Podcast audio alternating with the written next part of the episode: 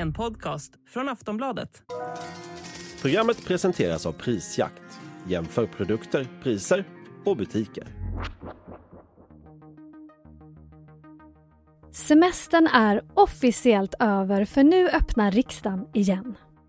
Jag önskar er, valda ombud för Sveriges folk, kraft, mod och visdom i ert viktiga arbete. Tisdagen den 12 september markerar starten på de 349 riksdagsledamöternas nya arbetsår och innebär att det är dags för en ny politisk höst. Spelplanen är lagd. Vi har Ulf Kristersson som statsminister. Vi har ett Tidöavtal som binder ihop de tre regeringspartierna M, KD och L med samarbetspartiet SD. Och vi har en budget som snart ska se dagens ljus. Men vi har också starka siffror för Socialdemokraterna, tre partier som panikbalanserar på spärren och framförallt en orolig omvärld, en höjd terrorhotsnivå och en skakig ekonomi. Vi ser en konjunkturnedgång. Sverige in, går in i en lågkonjunktur under det här året och nästa år. Men att det ändå kommer en ljusning under 2025. Så läget framåt är dystert, men vi är övertygade om att det går att ta oss igenom detta tillsammans. Så vad kan vi vänta oss i höst? Vilka är regeringens främsta utmaningar? Vad finns det för politik som kan hjälpa krisande hushåll? Och är det någon partiledare som sitter löst? Det ska vi prata om i dagens Aftonbladet Daily. Jag heter Olivia Svensson. Gäst i det här avsnittet är My Råväder, inrikespolitisk kommentator på Aftonbladet. En ny politisk höst, My. Hur känns det? Det känns kul. Luften är frisk och framtiden ligger framför oss. Och hur mår då statsminister Ulf Kristersson? Riksdagen öppnar igen. Känner han pepp eller depp? Ulf Kristersson har jobbat nästan hela sommaren och han verkar ju ändå väldigt pepp på att sätta igång med ett nytt riksdagsår. Det är ju egentligen inga nyheter. Han är ju mycket glad sedan han blev statsminister, så pepp skulle jag säga.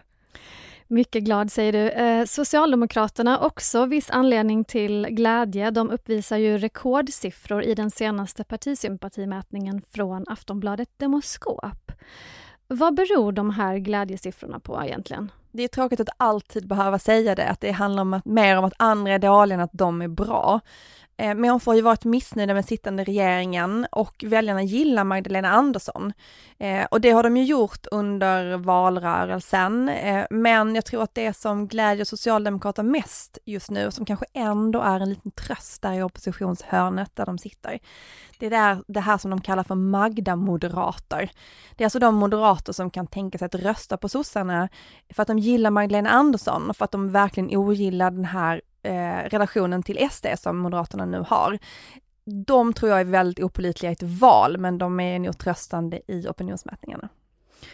Och vad kommer vi då att prata om i höst? Jag är väldigt nyfiken på vad du tror att, eh, vad det, liksom, vad det är för diskussioner som kommer att dominera när folk sitter vid fikabordet eller vid lunchbordet.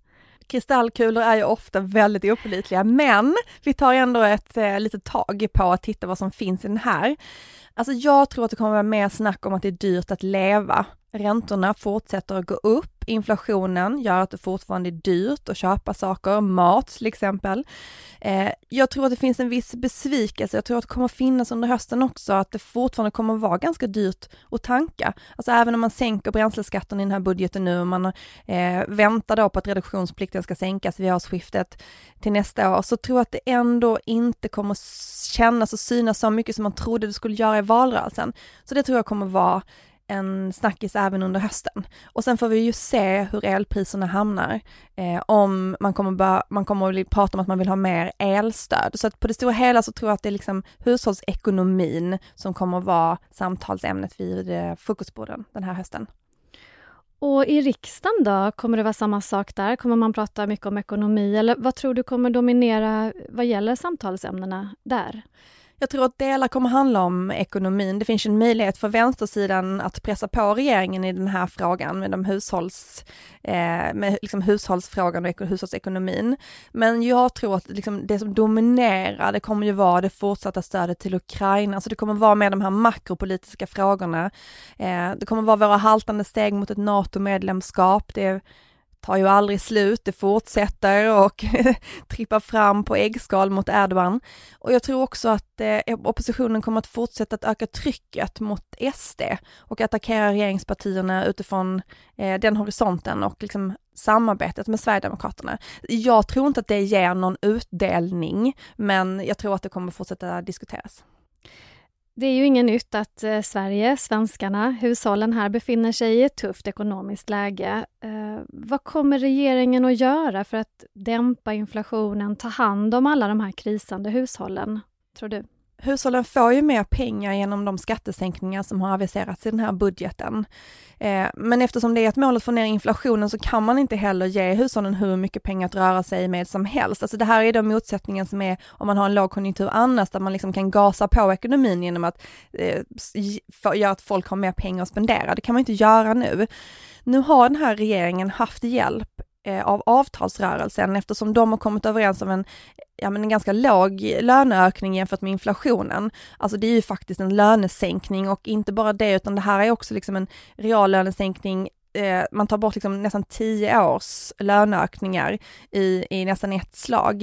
Eh, men det kommer ändå behöva vara mer spara än slösa för Svantesson under, under den här tiden. Och det säger man ju kommer vända Eh, lite optimistiskt säger man att det kommer vända till 2025, så 2024 kommer ju vara ett år där svenska hushåll fortfarande har det tufft ekonomiskt.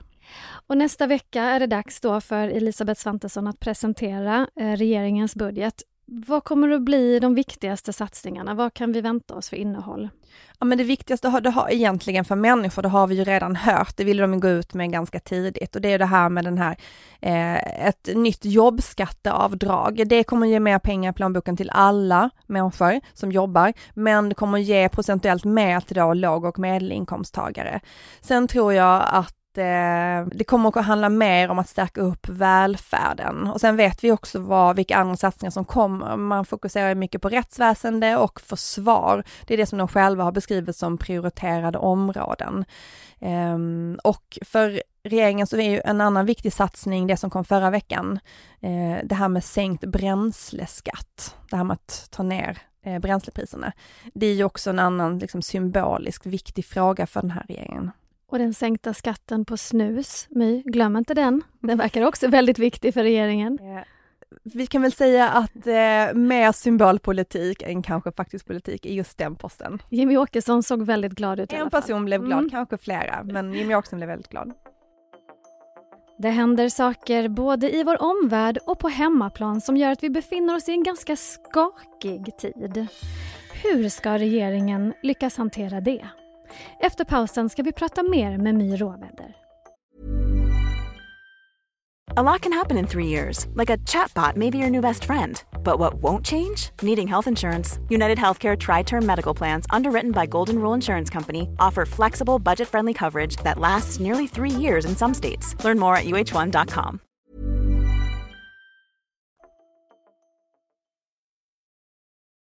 Det är ju på andra vis en väldigt turbulent period nu. Förhöjd terrorhotsnivå, kriget i Ukraina fortgår. Vi är fortfarande inte medlemmar i Nato som du också eh, pratade om här tidigare.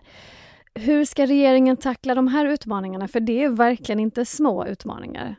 Det är ganska stora utmaningar. När det gäller NATO så är det ju bara att vänta ut Erdogan och Turkiet. Eh, och när det gäller det försämrade säkerhetsläget så hänger det ju till exempel ihop med, man lägger ju mer ökade resurser till polisen.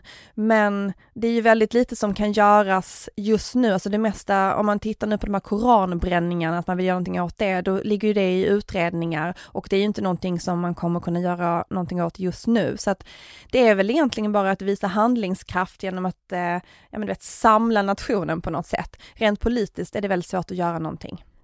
En sak som det har pratats mycket om nu eh, här i helgen bland annat är den här nya angiverilagen som ska utredas. Kan du berätta vad det är som är konfliktpunkterna här? Ja, men det här är en del av Tidöavtalet. Det handlar om att hitta människor som är olagligen i Sverige. Alltså det är en del av migrationsöverenskommelsen med Sverigedemokraterna som handlar om att få fler människor att lämna landet som inte har rätt att vara här. Eh, och då går det ut på att människor som kommer i kontakt med papperslösa ska meddela polisen eller migrationsverket att de gör det. Och då finns det flera instanser i samhället där man kommer i kontakt med papperslösa, som till exempel vården, skolan, eh, där människor inte vill ha den uppgiften.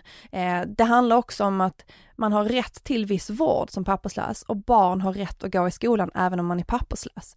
Eh, och att då också behöva anmäla det till myndigheterna, det tycker ju de här personerna går rakt emot deras yrkesetik. Så det tror jag kommer vara en fortsatt het debatt också.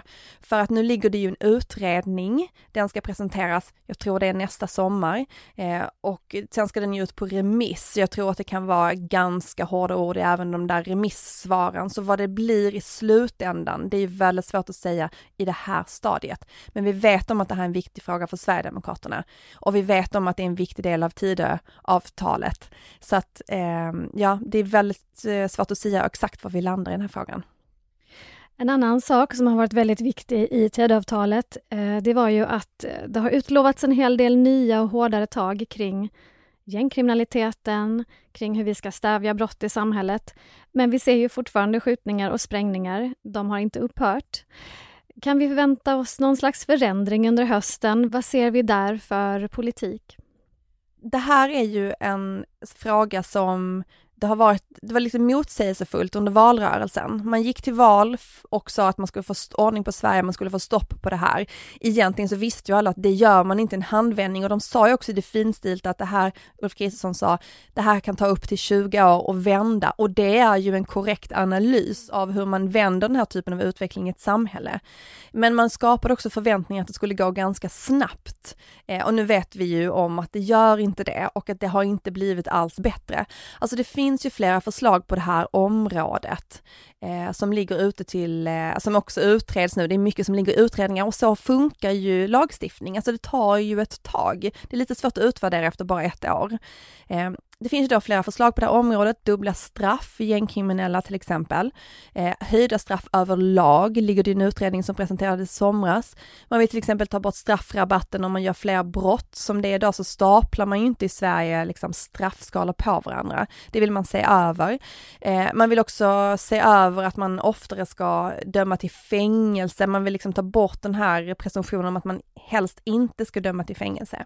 Eh, man satsar också på kriminalvården, att bygga ut kriminalvården, för det här kommer ju också leda till att det är väldigt många fler människor som kommer förmodligen att sitta i fängelse och då är också kriminalvården underdimensionerad. Och det har vi också sett eh, bara nu den här veckan att det kommer mer pengar till utbyggnad av kriminalvården. Så det görs saker, men det här är då den skillnaden mellan att man gör saker men det gör in, det ger liksom inte effekt direkt och politiskt så är ju det en svår fråga att kommunicera. Från politik till politikerna. För Miljöpartiet de ska ju välja nytt språkrör under hösten, förutsatt att de bestämmer sig då för att fortsätta med två stycken. Men vilken partiledare sitter löst och kanske bör vara lite orolig nu när vi går in i ett nytt politiskt år, My? Jag tror att Miljöpartiet kommer att fortsätta med sitt tvårörssystem. Dubbelrör. Dubbelrör. Mm. Um, och Eh, så, och då är ju frågan, byts båda två ut eller byts, kommer det bara till ett nytt nu när Per Bolund har slutat? Vi har inte sett några utmanare till Märta Stenevi, men jag skulle ändå säga att hon sitter inte helt stadigt. Så där har vi en person som kanske sitter lite lös under hösten. Annars är det väl Ebba Busch och Jimmie Åkesson som är närmast att sluta, man ska titta på hur partierna mår. Alltså för Ebba Busch är det ju att hon är under hård stress och press. Hon har ändå inte lyft, lyckats lyfta sitt parti trots att de sitter i regering, eh, trots att hon syns och har eh, liksom en väldigt stark plattform. Eh, det är ju alltid en dålig cocktail för en partiledare när det ändå inte lyfter. De ligger runt riksdagsspärren, eller hur? Ja, under riksdagsspärren i många mätningar. Alltså på Åkesson, ja men alltså det är ju bara baserat på att han har suttit i evigheter. Mm. Alltså han närm, det, det är 18 år, han närmar ju sig liksom 20 år på posten.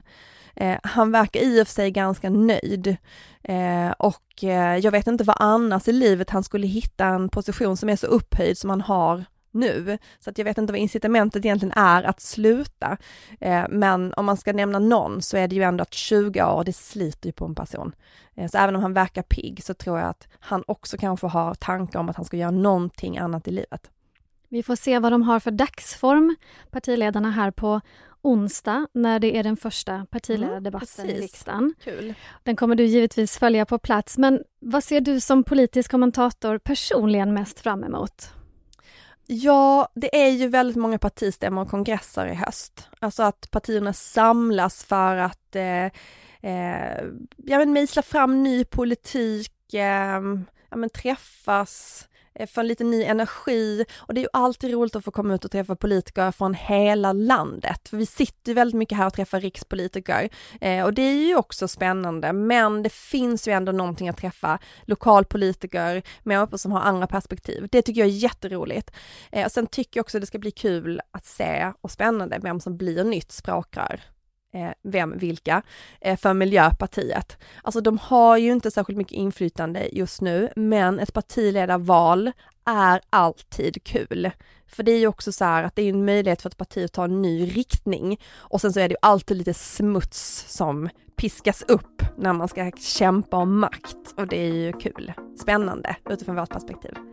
Då sätter vi punkt där. Det låter som att vi har mycket att se fram emot. Sist här, My Råväder, inrikespolitisk kommentator på Aftonbladet.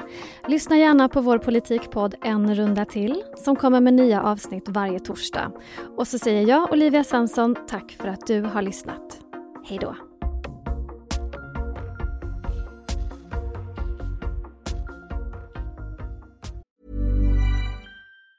Say hello to a new era of mental health care. Cerebral is here to help you achieve your mental wellness goals with professional therapy and medication management support. 100% online.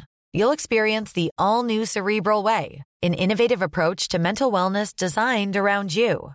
You'll get a personalized treatment plan from a therapist, prescriber, or both in a safe and judgment free space.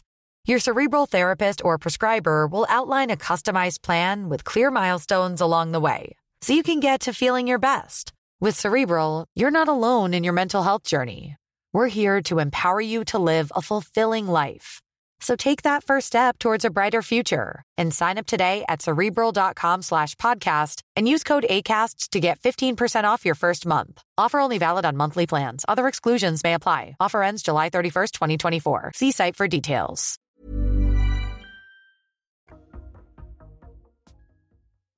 Du har lyssnat på en podcast från Aftonbladet. Ansvarig utgivare är Lena K Samuelsson.